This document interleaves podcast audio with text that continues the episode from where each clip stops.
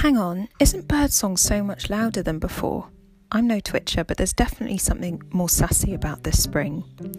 In fact, with less noise and pollution, many of us are noticing more wildlife. Hi, I am Emmanuel and I am being interviewed on this. Residents close to airports are waking up to the sweet symphony of birds rather than the loud drone of airplanes. Now, quiet stretches of road act as prime real estate for peacocking.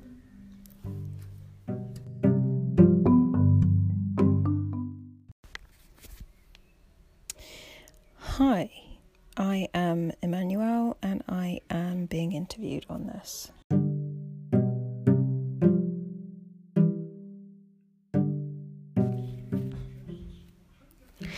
Hang on, isn't birdsong so much louder than before? I'm no twitcher, but there's definitely something more sassy about this spring. In fact, with less noise and pollution, many of us are noticing more wildlife.